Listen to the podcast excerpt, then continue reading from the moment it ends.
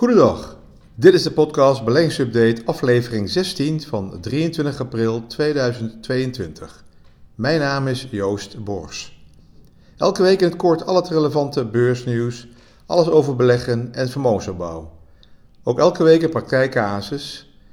Deze week meer over kortlopende en langlopende obligaties. Ja, de beurzen beginnen in Europa zwak op uh, dinsdag, nadat maandag de Amerikaanse indexen een licht herstel lieten zien. Technologie blijft zwak. De Amerikaanse technologiebeurs, de Nasdaq, zakt langzaam door alle steunlijnen heen. Deze week verwachten we veel uh, bedrijfscijfers. Het is een belangrijke week. Nou, we zagen al uh, de cijfers van Netflix op dinsdagavond. Deze waren slechter dan verwacht. En niet het resultaat was slecht, maar wel de groei en de vooruitzichten. Ja, Netflix raakt ongeveer 200.000 abonnees kwijt. En die toegenomen concurrentie zoals Prime, Disney+, Plus, Apple TV. Ja, de koers die uh, zakt ongeveer 35% op woensdagavond. Terwijl Netflix groei tegenvalt, is bijvoorbeeld juist ASML, de trots van Nederland, die weer sterke groei laat zien. En alle apparaten verkocht heeft, uiteindelijk helemaal uitverkocht is. En volledige bezittingscapaciteit benut heeft. En nergens lees je dat ASML last heeft van een tekort aan onderdelen. Waren hele goede cijfers dus. Dus er komen heel veel cijfers van heel veel bedrijven achter elkaar uit deze, deze week en volgende week. Dus het is druk ook en belangrijk om te kijken wat de vooruitzichten zijn voor de rest van het jaar. Wat gaat het management vertellen en hoe ziet de groei eruit? Nou, de groei bijvoorbeeld uh, op het economisch vlak. Het Internationaal Monetair Fonds, het IMF, waarschuwt dat centrale banken sneller moeten gaan ingrijpen om inflatie te bestrijden. Ook zien zij een duidelijke afname van de economische wereldgroei. De oorlog in Oekraïne drukt in combinatie met een hardnekkige hoge inflatie de groei van de wereldeconomie. Ja, het, het IMF rekent voor dit jaar op zo'n 3,6% groei. Dat is 0,8% punt minder dan waar het uh, fonds in januari nog op rekende. En voor 2023 rekent het IMF op eenzelfde groei. 0,2% punt lager dan de eerdere vooruitzichten. Het verdere herstel na de coronacrisis raakt daarmee wel een beetje uit beeld. In het hersteljaar 2021 groeide de wereldeconomie nog met 6,1%. Maar ja, dat werd ook wel volgesteund met het geld van de centrale banken. Dus met het verkrappende monetaire beleid en het uh, verschiet de afbouw van overheidssteun, oplopende inflatie en de economische impact van de oorlog, ja, is toch wel de hoofdvraag voor beleggers momenteel hoe winsten zich staande houden. De bedrijfscijfers zijn daarmee bepalend voor de ontwikkeling van de aandelenkoers in de komende maanden. Hoewel er meer winstwaarschuwingen zijn de laatste weken, is er ruimte voor eh, opwaartse bijstellingen. dus analisten waren eigenlijk wat nog somberder. Waar de winstmarges onder druk staat vanwege hoge grondstofprijzen, biedt de omzetgroei compensatie. Vooral de sector energie en basismaterialen springen er positief uit. Zo zien we wereldwijde winsttaxaties voor het eerste kwartaal in april alsmaar naar boven zijn bijgesteld. Zelfs voor Europese aandelen. Nou, ook in de Verenigde Staten wordt een positieve ontwikkeling verwacht, maar vanwege de moeilijke vergelijkingsbasis verwachten analisten een eh, plus van 6% aan winstgroei. Tot nu toe hebben 25 bedrijven van de S&P 500 hun resultaat gepresenteerd. En het uh, bureau van Bloomberg rapporteert dat 19 bedrijven positief verrasten. Van de 25 waren er 19 positief. In Europa is het cijferseizoen net van start gegaan. De ogen blijven dan ook de komende weken gericht op uh, deze cijfers. Maar dat zei ik al zo net al. Ja, de slachting onder de aandelen die geprofiteerd hebben van de speciale situaties door de coronatijden, zoals in de tijden van de lockdowns, hebben het nu moeilijk omdat de groeicijfers tegenvallen. De consument pakt weer zo goed als kwaad het leven weer op van voor corona. Dus zeg maar de jaren 2018, 2019. Aandelen zoals uh, thuisbezorg, uh, Just Eat, Takeaway, Netflix, Peloton, dat zijn dus thuisfitnessapparatuur, uh, Zoom voor het thuiswerken, Spotify. En zo zijn er nog een heleboel die ik kan opnoemen. Dit waren dus bedrijven die ontzettend goed geprofiteerd hebben van een unieke situatie. Waarbij mensen meer gingen thuiswerken, meer met andere dingen bezig waren. Uh, niet meer naar de winkels gingen, niet meer naar restaurants gingen. Dus een heel ander uh, leven hadden dan dat ze nu wel weer zijn gaan invullen. Nou, deze aandelen zijn meer dan 50 tot 60, 70 procent in waarde gedaald. Kijk maar naar Netflix bijvoorbeeld. Nou, daarna en ook Spotify, je kan gewoon zien dat zijn, die zijn aandelen echt 60% uh, gedaald. Daarna stijgt ook nog de hypotheekrente. En dit zie je ook terug in de huizenverkoop in Amerika. Ja, daar, daar is de daling van de huizenprijzen al reeds ingezet. En ook het aantal hypotheekaanvragen is aan het dalen. Dat zal op een gegeven moment ook wel naar Europa overslaan.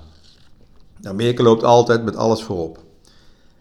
En nu even een andere belangrijke beleggingscategorie, de obligaties. Hebben natuurlijk te maken met uh, flinke rentestijgingen. Kijk naar de hypotheken, maar gewoon die staatsleningen, rentestijgingen, te verwachten stijgingen van centrale banken die de officiële tarieven gaan uh, verhogen. Nou, wat kan je, dat heeft natuurlijk impact op je obligaties. Ja, wat is de consequentie voor obligaties als je rente gaat stijgen? Nou, je hebt dus het rendement van de 10-jarige Nederlandse en Duitse staatslening is van, van negatief naar positief gegaan. We zitten nu ongeveer tussen de, de 1 en 1,5 procent op jaarbasis aan rendement. Nou, dat was zes maanden geleden, zaten we dus onder de, nul. Die Amerikaanse 10-jarige staatslening staat deze week al op 3 procent. Nou, obligaties is bijna bij iedere belegger wel een onderdeel of kan een onderdeel zijn van de portefeuille. Pensioenfondsen, vermogensbeheerders hebben allemaal wel een percentage of een groot percentage van het vermogen toebedeeld aan de categorie obligaties. Bij particulieren vanaf een profiel gematigd offensief tot en met zeer defensief zitten obligaties in welke vorm dan ook in de portefeuille. Ook voor je pensioenopbouw zitten obligaties in je eh, pensioenvermogen. In het eerste kwartaal dit jaar hebben obligaties het heel slecht gedaan. gemiddeld zo'n 3 tot 4 procent in de min. De laatste vijf jaar hebben obligaties het echter goed gedaan. Eigenlijk heeft deze categorie het op lange termijn de laatste jaar het heel erg goed gedaan. Dat kwam natuurlijk door de steeds meer dalende rente. En als de rente daalt, dan stijgen de koersen van obligaties, dus dan maak je meer koerswinst. Het vermogen stijgt. De obligatierentes zijn al lange tijd extreem laag geweest. De 10 rente zit al enkele decennia in een dalende trend, die is versterkt sinds de financiële crisis in 2008-2009. Centrale banken hebben sindsdien een onconventioneel beleid gevoerd door op grote schaal obligaties te gaan opkopen en hun uh, rente sterk te verlagen. Een soortgelijk scenario voltrok zich vorig jaar na de corona-uitbraak. dit beleid, met name het opkopen van obligaties, heeft de kapitaalmarktrente sterk gedrukt. Nou, nu krijgen we het tegenovergestelde. nu is de Amerikaanse centrale bank, de, de Fed, begonnen met het verminderen van haar obligatie aankopen. Het gedeeltelijk wegvallen van de vraag van de Fed zal bijdragen aan een opwaartse druk op de rentes. Maar niet alleen de centrale bank in Amerika gaat minder eh, stimuleren. wereldwijd gaan alle centrale banken de rente langzaamaan verhogen. Ook verwachten we zeker in Europa, de Europese Centrale Bank, die zijn in ieder geval minder obligaties gaan opkopen wel wacht de Europese Centrale Bank nog met verhogen van de officiële tarieven. Ook hier lopen we altijd achter in Europa op Amerika. Maar ja, je zag vandaag de Duitse inflatiecijfers. Nou, die zijn echt het hoogste punt benaderd van de producentenprijsindex. Die staat uh, op uh, een niveau van rond 1970, toen we de oliecrisis hadden. Dus het, wordt wel tijd de centrale bank gaat, uh, gaat ingrijpen. Maar ja, wat betekent dit nu voor die obligatieportefeuille? Ja, obligaties hebben een bepaalde looptijd. Een obligatie met een relatief lange looptijd, bijvoorbeeld 10 jaar of langer, reageert over het algemeen sterker op een wijziging van de marktrente dan een obligatie met een relatief korte resterende looptijd. Bijvoorbeeld een obligatie die nog maar twee jaar loopt. Een voorbeeld van een 10-jarige Nederlandse staatslening met een rentecoupon van 2,5%. Die is de afgelopen 100 dagen gedaald van 127 naar 113% Nou, dus dan zie je wat de impact is van een rentestijging, dat je dus koersverliezen leidt. De reactie van de koersen op een stijging van de marktrente is bij een kortlopende obligatie meestal kleiner dan bij een langlopende obligatie, ook al heb je dezelfde voorwaarden. Dus een korte lening die nog maar heel kort loopt, die zal bijna niet meer uh, echt heel hard reageren op rentestijgingen. Nou, ter verduidelijking kan het volgende voorbeeld dienen. Een obligatielening zal bijna niet meer reageren op renteschommelingen, of helemaal niet meer reageren, indien deze nog maar één of enkele dagen voor aflossing van de gehele lening ter verkoop aangeboden wordt. De koers van die obligatie zal onafhankelijk van de rente rond die 100% noteren, als dat de aflossingskoers is. Meestal is 100% de aflossingskoers. Naarmate de resterende looptijd korter wordt, zal de obligatie immers de neiging hebben om terug te keren naar die koers van 100 of wel 100%. Dus zo'n 10-jarige die op 127 staat, die zal over 9 of over 9,5 jaar ook al niet meer op die 127 staat, ook al is de rente gelijk. Want hij wordt op een gegeven moment op 100% afgelost na 10 jaar. In het kort en simpel uitgelegd, als de rente daalt, stijgen de koersen van langlopende obligaties. Dus nu de rente gaat stijgen, hè, je ziet de rente stijgen de afgelopen drie maanden, dalen de koersen van langlopende obligaties. Die dalen vele malen harder dan heel kortlopende obligaties.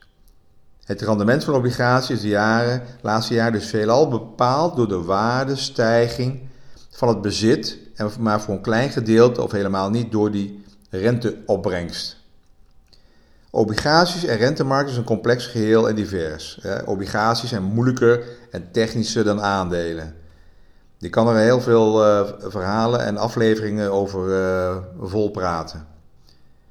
Maar mocht je een deel van je obligatieportefeuille willen beschermen, dan kan je indien je een langdurige uh, rentestijging verwacht, dus als je nog verwacht dat de rentestijging de komende 12 tot 2, 12 maanden tot misschien 2 jaar gaat, gaat duren, dan kan je, en je wil je obligatieportefeuille beschermen, dan kan je een deel, een deel van je langlopende obligaties ruilen naar een fonds of een indextrekker die belegt is in kortlopende overheidspapier.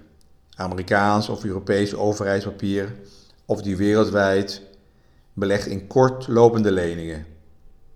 voorbeelden zijn bijvoorbeeld iShares Euro Government Bonds, 1 tot 3 jaar dat staat er dan ook. Hè? Dus als je zoekt naar dit soort uh, indextrackers, dan staat er iShares Euro Governance Bonds 1-3, 3 years. Of iShares Short Duration. Duration is het, uh, het woord wat gebruikt wordt voor looptijd, resterende looptijd. Duration staat voor resterende looptijd. iShares Short Duration Corporate Bonds. Dat zijn dan bedrijfsleningen. Nou, inflation linked is ook, uh, zoals de naam aangeeft, gekoppeld aan inflation, ja, inflatiepercentage, inflation linked bonds. En bekijk even wat de voorwaarden zijn. Maar dit soort producten als inflation linked obligaties, ja, die zijn de afgelopen vijf, zes maanden, hebben al een enorme uh, speurt voorwaarts gemaakt. En die hebben al een enorm, voor obligaties dan, een goed positief rendement behaald. Ze zijn erg populair de afgelopen uh, zes maanden. En lopen al vooruit op inflatieverwachtingen. Dus eigenlijk is die inflatieverwachting al een beetje ingeprijsd. Dus daar moet je voor opletten. Ik zou uh, misschien eerder kijken naar een kortlopende, kortlopende leningen die in zo'n beleggingsfonds of in zo'n indextrekker zitten. Ik wil eigenlijk alleen maar aangeven dat mocht er een langdurige rentestijging zijn, de komende twee, twee jaar, het misschien een idee is om een deel van je obligatieportefeuille te beschermen door langlopende obligaties te ruilen voor kortlopende obligaties. Je zal er niet echt iets mee gaan verdienen, of ja, misschien verdien je er niks mee, maar je verlies blijft beperkt. En ik zei verleden week al, bijvoorbeeld mijn obligatieportefeuille, voor het gedeelte in uh, langlopend staat op min 4. En ik had een klein gedeelte in die inflation linked en die stond op plus 4. En ik had een klein gedeelte in die kortlopende leningen en die uh, staat dan op min een half. Dus je beschermt wel een gedeelte, je hebt wat minder, zeggen, minder verlies. Nou, in ieder geval dank voor het luisteren. Alles op persoonlijke titel, geen direct advies hè? en op basis van openbare informatie. Tot de volgende week.